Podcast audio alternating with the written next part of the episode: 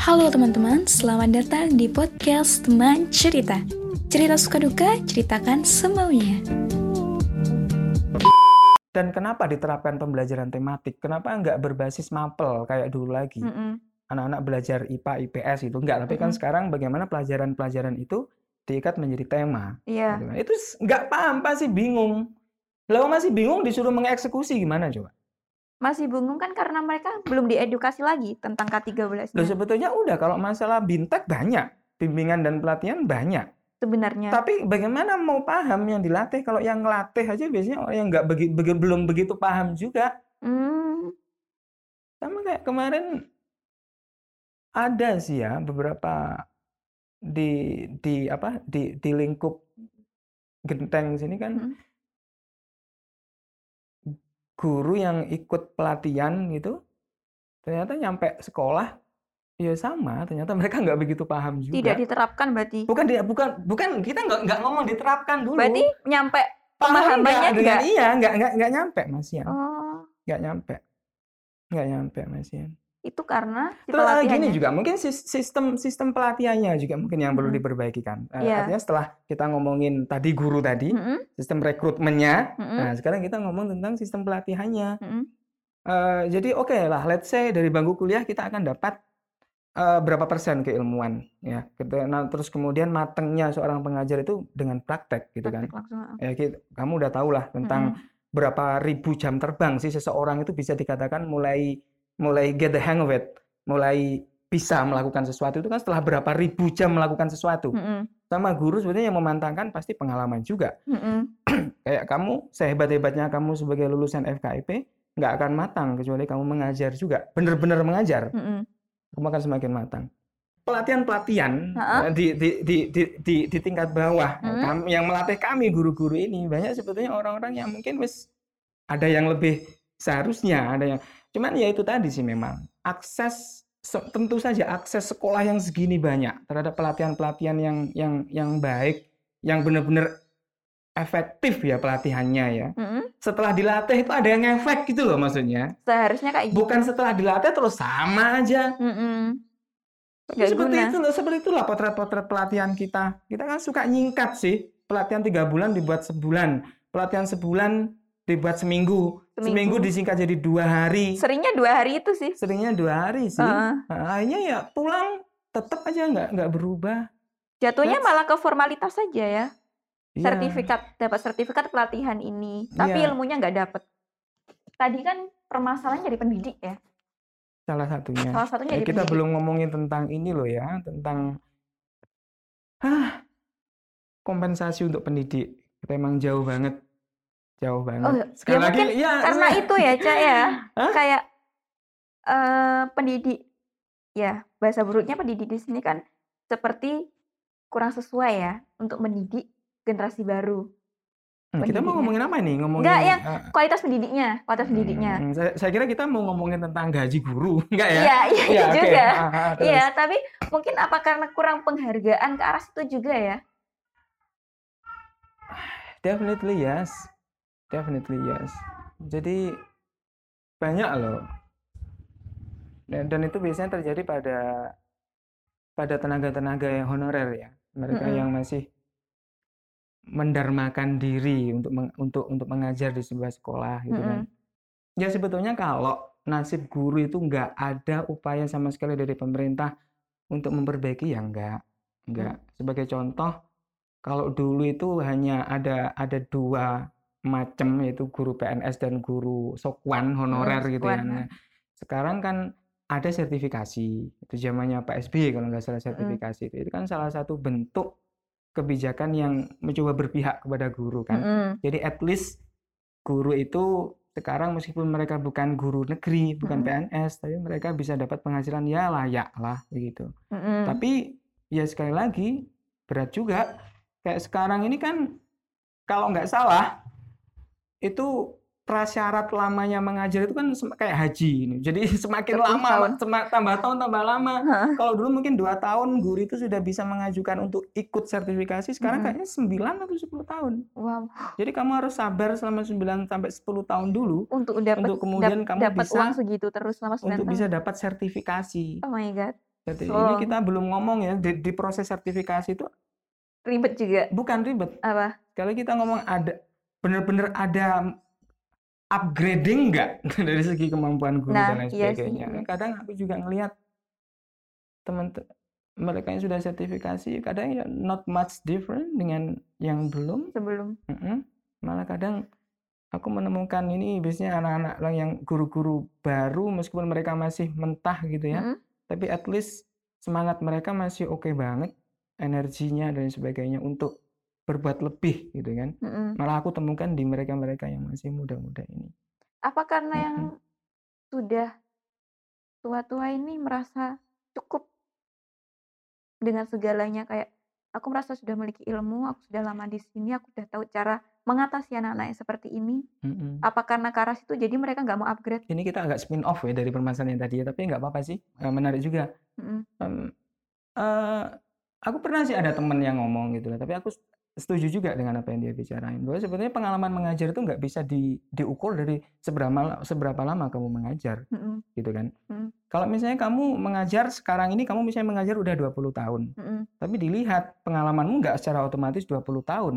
Kalau kamu mengajar selama 20 tahun, tapi tahun kelima kamu udah merasa cukup dan nggak perlu belajar lagi, ya pengalamanmu dua tahun. Oh, Eh, pengalamanmu Lima- ya lima tahun. lima tahun.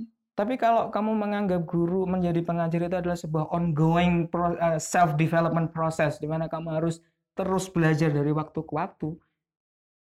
Ya selama 20 tahun itu kamu belajar Berproses. terus, Mm-mm. kamu merasa nggak cukup ya pengalamanmu 20 tahun. Tapi yang Mm. terjadi mungkin tak lihat banyak gitu sih. Guru itu ketika udah ketika udah lama mengajar ya biasanya nih egonya muncul. Aku ini udah lama loh jadi guru. Mm-mm. Jadi apa sih yang kamu ngomongin gitu hal-hal baru kayak gitu? Nah, Beras I know better. Iya. Nah, gitu kan. Biasanya seperti itu. Mentalitas yang terbentuk kayaknya kayaknya Jadi, seperti itu. Jatuhnya kayak ngono ya. Eh kayak senioritas tapi kan kayak senioritas kan tidak mau digurui lagi kan.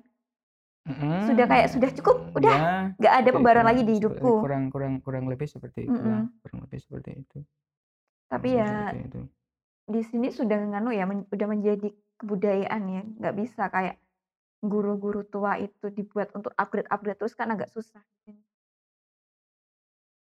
Ya, makanya kalau kita ngomong kalaupun sebetulnya saya pribadi ya, kalau Hmm. kalau kamu tanya, aku aku pribadi em, aku pribadi berharap banyak sih dari dari kemen- eh, dari menteri yang sekarang ini Mm-mm. gitu kan. Kelihatan banget kalau dia memang revolusioner he is revol- revolutionizing education, Hmm. Indonesian education sepertinya. Mm-mm. Meskipun di sisi lain aku juga kadang optimis di sana sini. Bagaimana enggak kalau biasanya mereka yang udah senior-senior sih masa tukang ojek jadi menteri gitu Mm-mm. kan. Ah, kita nggak usah ngomongin itulah. Ah, Mm-mm. eh, tapi aku berharap banyak sebetulnya. Cuman kadang kalau melihat di realitas di bawah, bagaimana sering kali terjadi gagal proses menerjemahkan kebijakan dari atas itu, kadang agak pesimis juga. Nah, tapi ya itulah, transformasi itu kan memang lama. Iya. Transformasi itu memang Mm-mm. lama. It take years Mm-mm. Mm-mm. sebelum kita bisa bisa bisa tahu hasilnya. Tipikal guru kita, guru-guru di Mm-mm. Indonesia itu kan katanya mereka birokrat. Mm-mm. mereka mentalitas mereka birokrat dan Mm-mm. itu sebetulnya warisan mentalitas yang terbentuk di masa Orde Baru. Mm-mm. Jadi guru-guru yang notabene pegawai negeri Mm-mm. merasa kami ini petugas negara. Jadi Mm-mm. mereka ya kayak pegawai masa kayak gambaran pegawai kelurahan zaman dulu Mm-mm. yang mereka wah ini formal banget Iya. dan dan bla bla bla begitu kan. Eh, mungkin sekarang masih ada atau mungkin banyak guru-guru yang mentalitasnya birokrat seperti itu. Iya. Nah, yang dibutuhkan sebetulnya itu adalah guru-guru yang bisa memposisikan seperti teman anak-anak, Mm-mm. meskipun nggak ada tetap ada ada limitnya loh ya, ada batas-batas di mana mereka Mm-mm. harus tetap ya kamu guru, Kalian siswaku. kalian siswaku, tapi da- dalam dalam beberapa situasi kita ini teman. Mm-mm. That's that's good. That's good sebetulnya. Tapi kalau masalah kemudian ah, maksudnya apa ketika kemudian kamu ke ke masuk ke pembelajaran ke materi yang di pembelajaran kemudian jadi nggak asik atau gimana? Sebenarnya itu sudah asik, tapi ketika mereka eh mereka nggak ngedengerin dan aku marah gitu, Hmm? kayak aku negesin kalian, ayo, kalian itu bisa, ayo dengerin, ayo maju, ayo nyoba gitu. Mm-mm. Mereka nggak kayak marahku itu nggak dianggap gitu loh mas. Mm-mm. Jadi aku salah ya terlalu deket sama mereka. Jadi jatuhnya gitu. Apa aku kurang tegas dari awal gitu.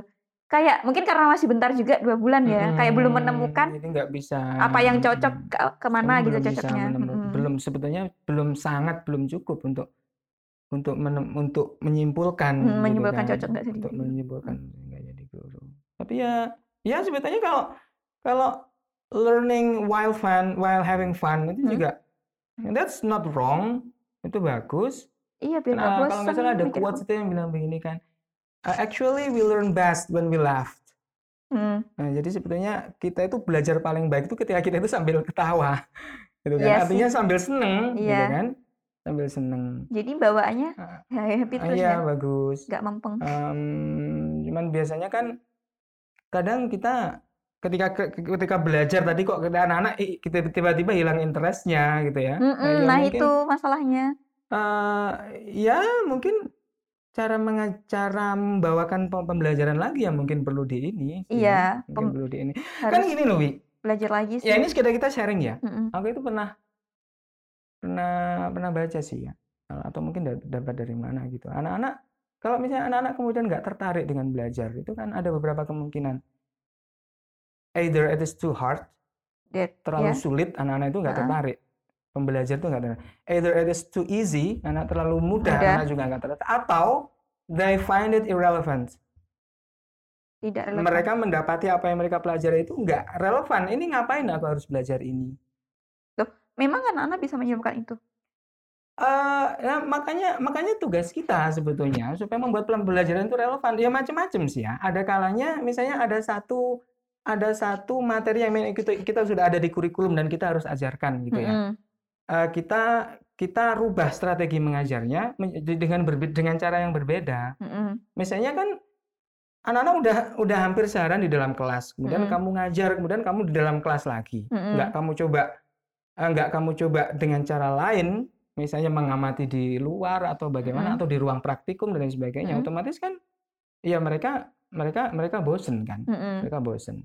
Kebanyakan kita itu kan ketika ngajar kita patuh banget dengan kurikulumnya. Nah itu. Eh, kita patuh banget dengan kurikulum, padahal nggak juga itu. Kurikul, kurik, eh, muatan kurikulum itu kalau memang kelihatannya kok nggak nggak nyambung banget dengan anak-anak, Nggak ya apa-apa. kita, kita nggak apa-apa, kita ajarin yang lain, Oh nggak apa-apa. nggak apa-apa.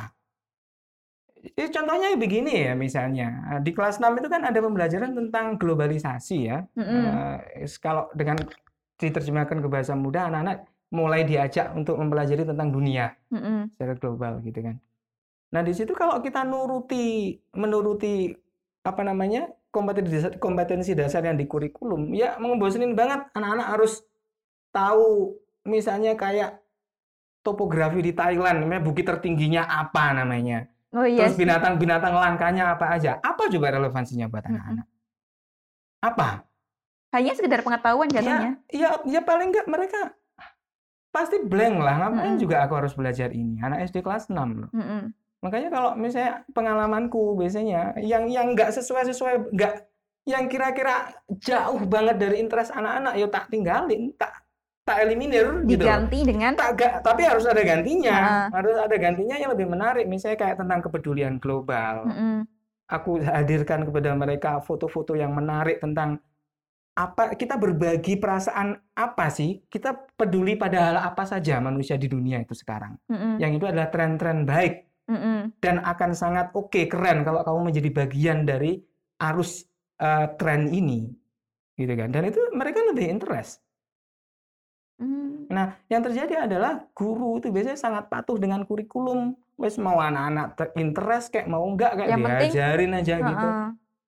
Emang Padahal- mindsetku juga gitu, Cak. gitu padahal kan sep- eh, seperti Pak Nadim itu kan sering kali dalam beberapa kesempatan kalau tak aku ingat banget dia dia sering mengatakan bahwa guru itu harus reflektif dengan kurikulum reflektif itu artinya apa ya harus dilihat dikritisi kalau perlu yang nggak relevan nggak apa-apa kita buang kita ganti dengan apa yang lebih cocok untuk anak-anak gitu kan Berarti sebenarnya itu ya manfaat pembelajaran local wisdom berbasis local wisdom. Ya iyalah. Eh, contoh misalnya aku kayak kemarin kan uh, ada misalnya pembelajaran kelas 6 itu tentang sejarah pasca Mm-mm. kemerdekaan ya. Mm-mm. Ya tetap itu penting itu. Anak-anak Mm-mm. penting untuk tahu sejarah bangsanya gitu kan. Tapi tetap aku kaitkan dengan ini. Misalnya kayak anak-anak tak aja untuk mempelajari tentang pahlawan lokal. Di Mm-mm. jalan di style itu kan ada beberapa pahlawan lokal kayak Samiran, terus Badrun dan itu Mm-mm. di sumbernya di internet nggak ada sama sekali. Tapi Mm. ada tugu-tugu di mana dia tempat mereka gugur tertembak. Itu tak ajak ke sana mereka. Mm. Nah, ini kan lebih lebih relate, Iya, lebih, lebih dekat, fun. lebih dekat juga dengan mereka, lebih fun, tak ajak Mm-mm. bersepeda ke sana, bareng-bareng gitu kan. Mm-mm. Mena- enak kan? Mereka senang Seru sih. dan Mm. tetap menga- tetap apa? Tetap tetap tujuannya ke arah yang sama. Anak-anak belajar tentang sejarah bangsanya.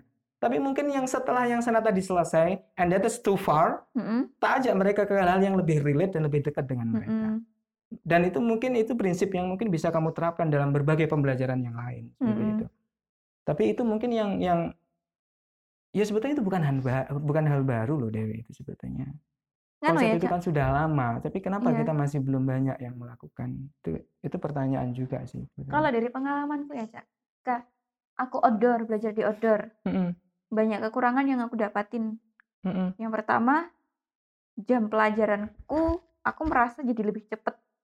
Mm-mm, Jadi yang s- merasa satu jam kan biasanya 45 menit atau 40 menit ya. mm-mm, Itu kayaknya baru baru jelasin dikit kok udah selesai gitu. Yang kedua, mm-mm. ketika keluar kelas mereka itu emang banyak sih yang ngikutin amati ini, tapi banyak juga yang ke kantin. Dengannya gitu, Jadi mereka biasa, mereka kan masih mereka kecil. mereka lolos ke kantin gitu ya. Iya, kan masih kecil karena pengawasan juga nggak banyak. Mm-mm, Gurunya cuma satu, nggak bisa. Dan yang diawasin seluruh lingkungan sekolah. mm-mm, Jadi kan emang kayak pengawasan dari gurunya juga kurang. mm-mm. Jadi kayak eh, emang fun, tapi Mm-mm. kayak masih merasa kurang di situ sih. Oh iya, tapi sebetulnya juga kalau kasus yang kasus kamu tadi kan juga nggak bisa dijadikan semacam patokan bahwa Iya. ah, that's what gonna happen if you bring children out. Iya, Nggak bisa. nggak mesti. Eh, waktu itu kan kamu guru tamu Iya, ya, ha. akan berbeda ketika kamu sudah ada di sekolah situ, kamu jadi guru. Mm-mm. Terus biasanya sih kalau misalnya mengajak anak-anak keluar gitu kan biasanya memang resikonya apalagi anak-anak kecil Mm-mm. itu mereka bisa semburat gak karu-karuan, tapi Mm-mm. bisa dibuat kesepakatan dulu dengan mereka. Mm-mm. Akan lebih mudah membuat sepakat dulu dengan mereka daripada ngatur mereka setelah mereka di luar. Iya, Itu akan lebih iya sulit. itu salah Ya, itu sih. aja sih. Kemarin itu Mm-mm. emang. Mungkin itu. Ada seorang ada seorang em, dia kayaknya anak lulusan kuliahan sih, anak Finlandia. Itu pernah ngomong di sebuah forum di Helsinki, dan di situ ada banyak eh, audiens di situ dia ngomong apa namanya? Nggak, ada beberapa prinsip yang dia kritik dari Finlandia, tempat negaranya dia sendiri, Mm-mm. tapi kemudian dia kan memang melanjutkan eh, studinya ke Jepang. Mm-mm. Nah, dari situ kemudian dia mencoba compare gitu kan Mm-mm. bahwa di Finlandia itu memang pertama learning has to be fun. Mm-mm. Terus kemudian mereka sangat longgar jadi. Jadi kalau nggak salah loh ya dari yang Iya. tak tafsirkan Mm-mm. di sana itu misalnya sah-sah saja ketika seorang anak itu eh, ketika guru tanya, oke, eh, do you feel like learning this? Apa kamu pengen belajar ini? Um, no, I think I'm enough with this. I'm gonna Mm-mm. learn something else. Mm-mm. Itu nggak apa-apa. di Finlandia. Iya, di Finlandia nggak apa-apa. Finlandia. Mm-mm. Jadi eh, seperti itu. Nah, itu yang dikritik salah satunya. Bahwa Hmm. kalau kalau kalau belajar itu nggak dipaksa, itu kadang juga it doesn't work. Mm-mm. Makanya yang disorot dia adalah Finlandia. Itu kan eh, kalau nggak salah mereka ada di puncak itu 2016. Itu ada di top memang nomor satu. Mm-mm. Tapi beberapa tahun kemudian mereka ada di lima atau tujuh besar ya kalau nggak salah ya. Mm-mm. Mm-mm. Jadi ada mereka disalip oleh Jepang. Heeh, Jepang, Singapura dan Mm-mm. sebagainya. Sementara dari pengalaman anak ini Hmm. yang sudah di Jepang, wah belajar di situ tough, berat Mm-mm. dari segi dari segi bebannya dan lain sebagainya. Mm. Terus dia waktu itu menarik. Eh, dia tanya ke Kak Aden, do you think when I when I was learning English grammar, namanya kan dia Finlandia jadi bahasanya bukan Inggris. Mm-mm. Do you think when I was learning English grammar it was fun? Oh no, sama sekali enggak. Mm-mm. That's a hard work. Mm-mm. Ah, jadi belajar itu nggak harus fun all the time. Kadang memang kita harus dipaksa itu gitu loh. Dan kadang ketika mindset kita terlalu kita terlalu dihujani dengan paradigma baru bahwasanya belajar itu, ayo bagaimana kita belajar harus selalu menyenangkan. Ya memang kalau nggak menyenangkan terus, ya gimana dong? Nggak terjadi pembelajaran dong anak-anak. Iya. Nah, Mm-mm. tapi kalau fun terus, that's not good either. Jadi Mhm. kadang-kadang memang anak-anak perlu di-push bahwasanya "I ini ini useful buat kamu dan kamu harus belajar," gitu. Mhm. Mmm. Berarti kan intinya sebagai lulusan A itu bukan berarti kamu sudah cukup. Mhm. Itu hanya formalitas aja kamu telah Mhm. belajar itu. Tapi Mhm. sebenarnya kamu harus terus belajar terus terus terus terus. Iya. Dan ini juga makanya kan ya oke lah setelah kita ngobrolin tadi ngalor ngidul gak karu-karuan tadi ya. Mhm. Eee, mungkin salah satu yang selama ini saya garis bawah itu adalah iya ini masalah kita di guru ini, Mhm. di rekrutmen guru, Mhm. terus kemudian kalaupun anak-anak itu berhasil mereka duduk di bangku kuliah untuk yang mempersiapkan mereka menjadi guru, ternyata juga maybe not not much they Mhm. get, gitu. Itu juga yang menginspirasi aku akhirnya untuk aku pengen jadi dosen sebetulnya ini. Sebenarnya. Iya. Terus kenapa nggak jadi? Tapi ya ini sedang proses, Oh. sedang mencoba, Ya. sedang mencoba. Itu kan harus kuliah lagi Mhm. dulu gitu untuk bisa ke sana. Dan salah satu yang terbesar yang memotivasi dan menginspirasi aku untuk ke sana adalah aku ingin menjadi ingin menjadi bagian dari orang-orang yang akan mempersiapkan anak-anak muda ini untuk menjadi guru. Ya at least melalui sebuah penyadaran lah bahwa jadi guru ini bukan profesi sembarang loh. Mhm. Dan Iya, kamu oke lah sembarangan. kalau kamu udah terlanjur duduk di sini untuk nanti kamu jadi guru, ayo kita sadari bareng-bareng bahwa it is not it is a big thing. Mhm. So prepare yourself. Iya. Or eee, kalau enggak udah nggak usah deh, gitu aja. Daripada iya. Heeh. Mending nggak usah sekalian Karena ini ini ini something big, kamu mau menyiapkan generasi dan kamu harus serius ini. Bagus Itu aja. bagus Itu aku pengen banget ada di situ, gitu loh. Ya mudah-mudahan bisa. Amin. Semoga Oke. termanfaatkan nanti ilmunya kalau Iya. jadi dosen. Harus Amin. nih. Oke. Amin. Cukup Udah lama banget ya. lama banget pembahasannya. Kalau kamu jadi guru, pikirin dulu. Iya. Kalau cuman nanggung-nanggung nggak usah deh. Kalau cuman alasan pengen dapat pekerjaan cepet nggak usah. No no no. Tapi no. kamu harus benar-benar sadar bahwa tanggung jawab kamu itu besar dan belajarnya yang benar di bangku kuliah itu. Uh, artinya persiapkan benar-benar mental dan pengetahuan. Itu aja mungkin. dengerin guys. Oke, bye bye. Bye.